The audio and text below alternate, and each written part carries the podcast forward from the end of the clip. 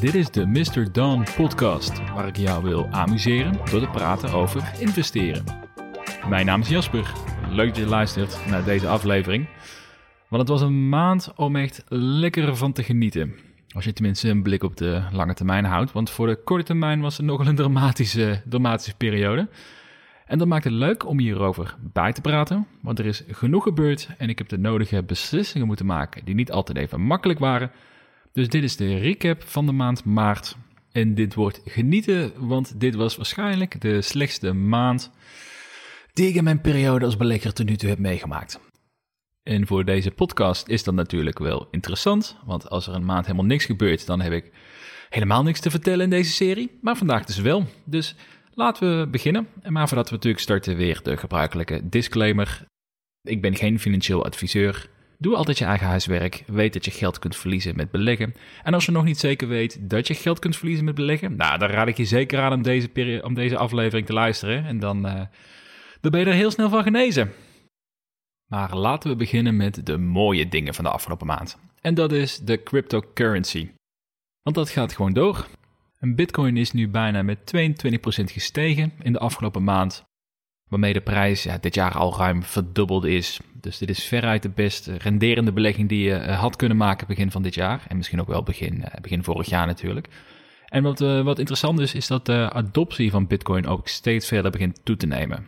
Dus met PayPal heeft aangekondigd dat zij betalingen mogelijk gaan maken met Bitcoin.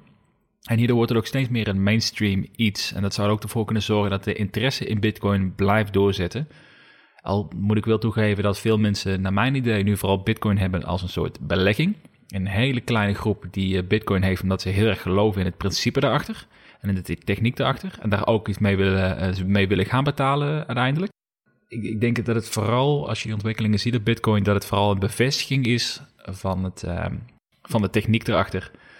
En dat gaat alleen maar voor zorgen dat er steeds meer mensen bereid gaan zijn om te, uh, te investeren in Bitcoin, om zelf Bitcoin aan te houden. Dus dat is goed voor de, voor de prijs van, uh, van Bitcoin. Ik denk de belangrijkste wijziging in mijn portfolio is om afscheid te nemen van de meeste altcoins. Uit statistieken blijkt namelijk dat de meeste altcoins die populair waren in 2017 inmiddels niet meer relevant zijn. Die uh, of ze bestaan niet meer of ze zijn 90% of minder gedaald sinds die periode. En ik wil van mijn crypto portfolio, die wil ik voor de lange termijn aanhouden. En ik wil geen zorgen hoeven te maken over eventuele prijsdalingen, dat ik daarop moet gaan inspelen of wat dan ook. Dus vandaar dat ik ga voor de drie meest solide crypto in mijn ogen. En dat is Bitcoin, Ethereum en Cardano. En de reden hiervoor is dat ze alle drie het unieks toevoegen. Dus Bitcoin als de, de OG, het digitale goud. Ethereum voor de, voor de toepassingen en de techniek erachter. En Cardano voor de toekomstige potentie die, uh, die het duidelijk heeft. Ik moet zeggen, voor dit jaar sta ik op een winst van ruim 230% op mijn cryptocurrency. En je begint je af te vragen hoe ver dit, ver dit kan doorgaan. Dus om mijn risico iets te beperken, want het blijft natuurlijk gewoon een hoog speculatieve asset, heb ik tussendoor al een paar keer mijn, uh, mijn winst gepakt. En inmiddels heb ik nu 2,5 keer mijn investeringen eruit gehaald. Dus de rest van het bedrag kan ik met gerust hart laten staan voor een aantal jaren. En zelfs als het naar nul zou gaan, zou ik er nog vrede mee, uh, vrede mee hebben. Dus dat is een hele fijne gedachte voor betreft de cryptocurrency. En dat betekent ook dat ik er minder aandacht aan hoef te geven door uh, de coins in de gaten te houden. Omdat ik er nog maar drie heb die ik over lange termijn wil aanhouden. Dus dat maakt het eigenlijk heel, um, heel makkelijk en een, een goede manier om, om een beetje diversiteit toe te voegen aan het portfolio. Maar dat is niet de belangrijkste reden. Het blijft gewoon nog steeds een asset die wat mij betreft, naar, uh, als je kijkt naar uh, risk-reward, nog steeds een, een asymmetrische kans is. Er valt veel meer mee te verdienen dan mee te verliezen, in mijn ogen. Dus ja, het blijft gewoon iets wat ik lekker ga aanhouden de komende jaren. En dan zien we wel waar het schip strandt. En dan gaan we door naar de sterren van deze maand, de hoofdrolspeler, en dat is mijn beleggingsportfolio. Jazeker, het was de maand waarin de tech-aandelen behoorlijk zijn afgestraft. Dat is eigenlijk al in midden februari is dat ingezet. Je ziet dat de Dow Jones dat die aardig gestegen is met 5%. En de Nasdaq die is uh, op het hoogtepunt of dieptepunt met uh, 10% gedaald vanaf de all-time high in midden februari. En dat is ook officieel een correctie, waardoor de meest solide bedrijven flink moesten inboeten in het techdomein. Maar vooral groeiaandelen en de meer speculatievere aandelen, zoals SPECS bijvoorbeeld, die werden extra hard geraakt. Ja, en laat dat nou net een domein zijn waar mijn portfolio voornamelijk uit bestaat. Dus innovatieve groeibedrijven met een veelbelovende toekomst, maar die nog wel in een nadrukkelijke bewijsfase zitten. Dus je kunt je voorstellen, als belegger in deze, eh, deze bedrijven was dit niet mijn favoriete periode. Maar goed, dat hoort erbij. Als je investeert in dit soort bedrijven, dan uh, kan het alle kanten op gaan. En dat heb ik al een paar keer ook aangegeven toen ik, uh, als ik mijn portfolio bespreek. Dat is een risico die erbij komt kijken. En het maakt ook niet uit, want het zijn lange termijn beleggingen.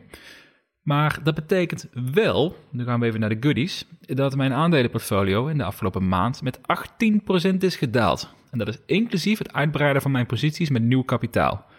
Dus relatief, als je kijkt naar hoeveel ik, verloren heb zeg maar, van, uh, aan rendement, ja, dan is het eerder rond de 30% die ik gedaald heb in, uh, in een maand tijd. En dat in een periode dat het marktbreed misschien niet fantastisch was, maar wel dat de Nasdaq grotendeels is hersteld. Alleen mijn portfolio, die dus nog wat achter. En het heeft ook de nodige veranderingen betekend voor mijn portfolio, dus laat ik jullie daar ook even doorheen lopen. In de afgelopen maand heb ik mijn portfolio nog verder geconcentreerd door kapitaal te verschuiven naar bedrijven waar ik echt in geloof. Met als resultaat dat ik nu nog maar zes aandelen in mijn portfolio heb, in plaats van de oorspronkelijke acht die ik eh, maximaal wil aanhouden. En van de grootste naar kleinste posities zijn dat Canoe, Lucid Motors, Desktop Metal, Volta Charging, Momentus en de nieuweling Iron Source. En eind februari had ik al een aantal posities gesloten, zoals Shell en Intel. En daar is deze maand ook de spec genaamd Ajax bijgekomen, niet te verwarren met de voetbalclub. Uh, maar deze spec gaat het tweedehands autoplatform Kazoo naar de beurs brengen. En dat is gewoon geen bedrijf die past in mijn strategie. Dus daar heb ik dan ook afscheid van genomen toen, uh, toen deze fusie bekend werd. En door de dalingen van de koers over praktisch mijn hele portfolio heb ik ervoor gekozen om agressief te investeren in het vergroten van mijn posities. Dus ik heb deels geld van mijn crypto heb ik herinvesteerd in deze aandelen. En ik houd nu ook een, een, een minimale reserve cashpositie aan. Omdat het mijn overtuiging is dat deze zes aandelen in de toekomst een uitstekend rendement op gaan leveren als we het kopen bij de huidige koers. Omdat ik vind dat de koers veel te hard is afgestraft gezien het, uh, het fundament van het bedrijf. En dat heb ik al een keer eerder toegelicht, of zelfs nog bij de vorige aflevering, aflevering 12 van deze podcast. Dat hoe je gebruik kunt maken van dergelijke correcties. En de essentie van het verhaal was, dus als het bedrijf en je redenen om te investeren in niet fundamenteel zijn veranderd, dan zijn dat de momenten om ervan te profiteren. En in mijn beleving is dit zo'n moment. Want als je een zeer beloftevol bedrijf, zoals een desktop metal bijvoorbeeld, ja, als je die kan krijgen voor de, helft van de koers waar een, eh, een korte tijd geleden op stond, terwijl ze afgelopen maanden juist ontzettend veel goed nieuws te melden hadden, met onder meer een overname waarmee hun afzetmarkt praktisch verdubbelen, uh, en ook een nieuwe ontwikkeling aan het product, ja, dan, dan zie ik geen reden waarom ik niet zou moeten profiteren als de koers op 15 staat. Uh, terwijl ik vind, of terwijl ik uh, een, een, redelijk aanneembaar scenario heb dat het aandeel 14 dollar of meer waard kan worden binnen de niet al te lange termijn. Dus in zeg maar een jaar, één à twee jaar. Ja, dan ben je die van je eigen portemonnee om daar niet gebruik van te maken. Ook al voelt het misschien wat moeilijker omdat de koers nu zo laag staat. Maar goed, daarom moet je gewoon heel goed weten wat je, in, wat je bezit aan, aan aandelen. En hetzelfde geldt ook voor mijn grootste positie, Canoe. Laatst ook alweer een update over geplaatst op mijn blog met een nieuwe, de nieuwe strategie die ze gaan aanhouden. Maar na hun earnings call is het aandeel zo'n 20% gedaald. En mijn eerste reactie, ik moet toegeven, ik was ook negatief over wat ik hoorde vanuit de earnings call. Daar heeft de CEO echt wel de bal laten vallen. Dus ik was behoorlijk teleurgesteld. Maar toen heb ik het hele jaarverslag gelezen van 120 pagina's. En uh, ja, het mag wat tijd kosten om je grote positie te leren kennen. Zeker als je daar uh, 40% van je, van je portfolio in hebt zitten. Maar dat betekent wel dat ik misschien nog wel meer bullish ben geworden dan wat ik voorheen was. Ondanks dus dat het aandeel 20% gedaald is.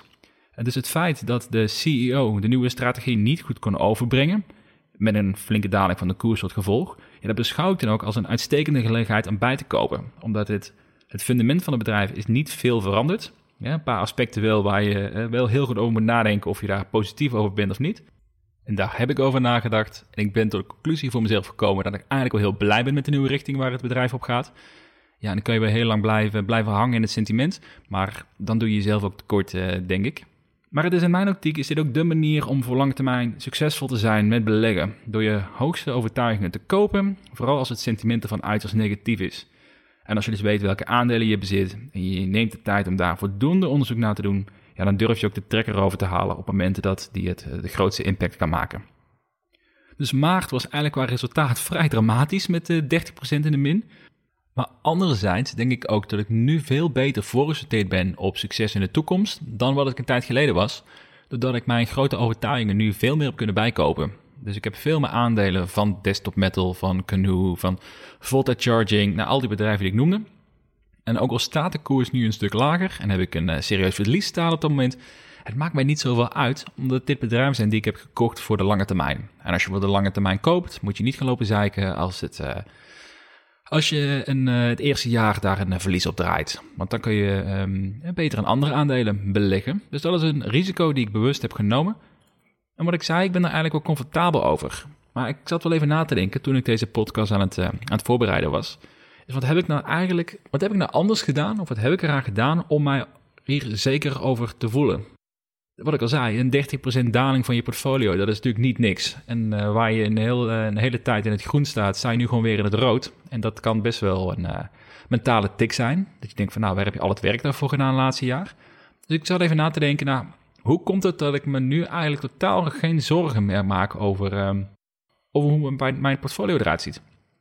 En ik heb alle investeringen in mijn portfolio, die heb ik nagelopen. Klopt het fundamenteel nog steeds, even los van de koers? Zijn er recente ontwikkelingen, zijn die positief binnen het bedrijf? En ik moet wel zeggen dat als je een geconcentreerd portfolio hebt, hè, zoals ik heb, dan is het wel een stuk makkelijker om dat voor elkaar te krijgen. Omdat je dan in een, een goede middag, een goed weekend, heb je eigenlijk alles heb je uitgezocht wat je moet weten van, jouw, uh, van je investeringen. En dat heb ik een paar keer uitgesproken. Ik heb een portfolio van maximaal acht aandelen. Dus ik ben echt tot de details kunnen gaan van mijn investeringen. Dus bij momenten dat de koers daalt zonder een goede reden, dan zit ik meteen klaar om bij te kopen. En dat heb ik dan ook gedaan door geld te verplaatsen naar mijn sterkste overtuigingen. En die posities ook gewoon fors te vergroten. En ik voel mij daar wel, wel lekker bij, wetende dat ik voor een relatief goedkope prijs uh, de posities heb kunnen, kunnen uitbreiden. En ook ben ik erachter gekomen dat ik in de afgelopen nou, maanden, uh, als je wat, wat, wat, wat meer mee bezig bent, ook al uh, is mijn ervaring natuurlijk ook relatief, relatief jong, hè, als je kijkt naar, naar andere beleggers. maar dan ben ik al erachter gekomen dat je best wel snel minder gevoelig wordt voor prijsdalingen. En het interesseert me eigenlijk niet zo heel veel meer. Het komt dus aan de enerzijds omdat ik dus vertrouwen heb met mijn portfolio. En ik moet wel zeggen dat dit wel een proces is geweest hoor. Dat je geen zorgen meer maakt over de waarde van je beleggingen. Dus tot enkele maanden geleden bijvoorbeeld werkte ik, werkte ik vrijwel iedere dag mijn, uh, mijn Excel-document bij. Met de waarde van mijn beleggingen en mijn totale vermogen. En inmiddels doe ik dat alleen nog maar op de eerste van iedere maand. En zelfs dat begint al een beetje te voelen als te regelmatig. Dus mocht je zelf merken dat je het vervelend vindt als je portfolio een dag of een week in het rood staat, maak je geen zorgen. Hier ga je aan wennen. Het is een kwestie van, een kwestie van tijd, mits je natuurlijk vertrouwen hebt in de beleggingen die je, die je hebt lopen. En wat mij ontzettend hierbij geholpen heeft, is het stellen van een controlevraag van vind ik dat dit aandeel al maximaal gewaardeerd wordt in de koers, of ligt hier de komende jaren nog ruimte voor om verder te groeien? En dat vind ik bij mijn aandelen allemaal eigenlijk het geval. En diegene waarbij ik dat minder had, die heb ik ook verkocht om te kunnen herinvesteren in mijn grootste overtuigingen. Dus dat waren bijvoorbeeld de Shells en de Intels, waarbij ik vond dat ik ze prima heb kunnen kopen terwijl ze ondergewaardeerd waren. En ik heb ze kunnen verkopen zodra ze redelijk rond fair value zaten. En dat, uh, ja, dat, dat zorgt ervoor dat je daarin kunt blijven schuiven en dat je gewoon een portfolio houdt waar je, waar je lekker bij voelt. En daardoor ben je ook minder geneigd om te proberen te gaan handelen met je aandelen. Door ze te verkopen en op lager punt terug te kopen. Ja, die fout heb ik in, uh, in april afgelopen jaren een aantal keren gemaakt. En daar ben ik nog steeds redelijk zuur over. Maar het is wel lekker dat als je dus gewoon een goed portfolio hebt. Waar je vertrouwen in hebt dat het een goed rendement op gaat leveren. Ja, dat je daar geen, uh, geen zorgen over maakt. En dan hoef je ook niet iedere dag je portfolio te checken. Of te twijfelen of je misschien een actie moet ondernemen. Ja, en dan maakt het wel... Uh, een heel stuk comfortabeler om te beleggen. Maar daarmee is mijn uitdaging nog niet ten einde. Want mijn grootste uitdaging nu is om te zorgen dat ik niet te veel aandelen ga kopen van mijn grootste overtuigingen. En uh, dat klinkt een beetje als een contradictie, maar er is nu één gedachte die continu door mijn hoofd blijft gaan. En dat is een gedachte waar ik een soort duiveltje aan de ene kant en een engeltje aan de andere kant op mijn schouders zitten. En dat is om all in te gaan op Canoe. Dus alle andere aandelen verkopen, alles investeren in Canoe. En dit is echt een intern gevecht, kan ik je vertellen. Uh, want zeker met de koersdaling van de afgelopen week, waardoor Canoe nu rond de 9 dollar staat en een market cap heeft van 2 miljard, ja, vind ik dit een zeer interessant groeiaandeel en nu ook nog eens een keer sterk ondergewaardeerd. Dus ik zou die stap best wel durven en enerzijds ook heel graag willen zetten. Maar anderzijds weet ik ook heel goed van mezelf waar die behoefte vandaan komt om al in te gaan op Canoe. Ik heb namelijk dezelfde overtuiging gehad in Pinterest, toen dat aandeel door beleggers niet op waarde werd geschat. En op dat moment stond de koers op zo'n 12 eh, dollar. Ik herinner mij dat ik een rondje hardlopen was, lekker in de, in de zomer was dat. En dat ik bij mezelf dacht van, nou, als ik nou zoveel overtuiging erin heb in Pinterest, waarom zou ik er niet mijn hele portfolio ophangen aan mijn grootste overtuiging? En toen was wel de grootte van het portfolio de helft van wat het nu is, maar het is al niet te min. principe is hetzelfde. Ik wilde 100% gaan op Pinterest. En ik heb er toen voor gekozen om het niet te doen, omdat ik destijds een, eh, een divers portfolio had met een aantal ETF's en met zilver. Ik was toen nog wat, meer, uh, wat minder op de risico's. En sindsdien is het aandeel naar de 80 dollar ongeveer gegaan. Dus dat is een, uh, nou, vers 6, 7, ja, verzesvoudiging ongeveer. Iets meer dan een zesvoudiging. Het punt is alleen, en dat is het lastige, ik besef heel goed dat dit een soort, dit een soort mindfuck is. Dus in mijn hoofd heb ik Pinterest gemist. En nu zie ik een vergelijkbare kans in Canoe dat is wel oprecht de enige waarbij ik een Pinterest-achtige overtuiging heb. En met al de tientallen tot honderd aandelen die ik heb, uh, uitvoerig heb geanalyseerd. En ik ben stiekem al overtuigd van mezelf dat dit een soort dezelfde koersstijging gaat meemaken als Pinterest. Maar dat is natuurlijk volledig onzin. Er is geen enkele aanleiding om te denken dat de Canoe dezelfde koersstijging gaat meemaken als Pinterest. De bedrijven lijken niet op elkaar, de situatie is totaal verschillend. Dus is, het is echt appels en peren met elkaar vergelijken toch zit blijft dat een beetje in je hoofd hangen. En dat zelfs als ik kan analyseren, kan rationaliseren voor mezelf, waar die drang vandaan komt om al in te gaan op Canoe. En ik moet zeggen dat ik het tot dusver ook nog steeds een hele interessante gedachte vind. Maar tot dusver heb ik het wel afgehouden, omdat ik ook gewoon een sterke overtuiging heb in mijn vijf andere aandelen. Uh, maar als de koers blijft kelderen, nou, laten we zeggen naar uh, een market cap van anderhalf miljard, ja, dat betekent dat de helft van de waarde al in cashpositie beschikbaar is bij Canoe. En dan hebben ze nog steeds een heel sterke intellectual property daar liggen, waar ik heel enthousiast over ben. Ja, dan wordt het wel heel, heel, heel verleidelijk om niet die stap te gaan nemen. Maar dan besef ik tegelijkertijd wel ook dat het natuurlijk qua risicomanagement een absolute no-go is. Uh, het is, oké, laten we eerlijk zijn, het is eigenlijk gewoon heel, heel onverstandig en heel dom om één aandeel daar al je geld op in te zetten. Zeker in een fase waar Canoe zit, wat een soort start-up is eigenlijk. Dus uh, laten we zeggen, ik heb alle rationele om het niet te doen. En een aantal emotionele redenen om het wel te doen. Dus fingers crossed dat ik, dat ik een slimme beslissing kan nemen. En dat ik dit. Uh, dat ik gewoon lekker bij mijn hele diverse portfolio van uh, 6 tot 8 aandelen blijf. Maar we gaan het zien. Ik vond het in ieder geval een, een, leuke situatie om wel even met jullie te delen. Want er zijn ook dingen die in mijn hoofd over toe afspelen. Misschien bij sommigen van jullie ook. Als je een, als je een hele zware overtuiging hebt in een aandeel. Maar het is denk ik wel goed om ook met jullie te delen van wat mijn gedachten daarbij zijn. En ook het beseffen waar zoiets ja, vandaan kan komen. En in ieder geval vanuit mijn situatie weet ik heel goed waar mijn drang vandaan komt om al in te gaan op canoe. Terwijl ik heel goed weet dat dat niet verstandig is en het, uh, het eigenlijk ook gewoon niet moet doen. Dus het, uh, we gaan zien hoe zich dat gaat ontwikkelen. Tot dusver deze aflevering, de maart recap. Nou, lekker uitgebreid. Het ging, uh, ik denk, veel interessante situaties en weer veel van geleerd. Wil je nou meer weten over investeren in aandelen, cryptocurrency of startups? Dan ben je helemaal thuis op mrdon.nl. Je kunt mij volgen via Twitter en Instagram via de naam MrDonNL. Voor nu bedankt voor het luisteren en graag tot de volgende aflevering.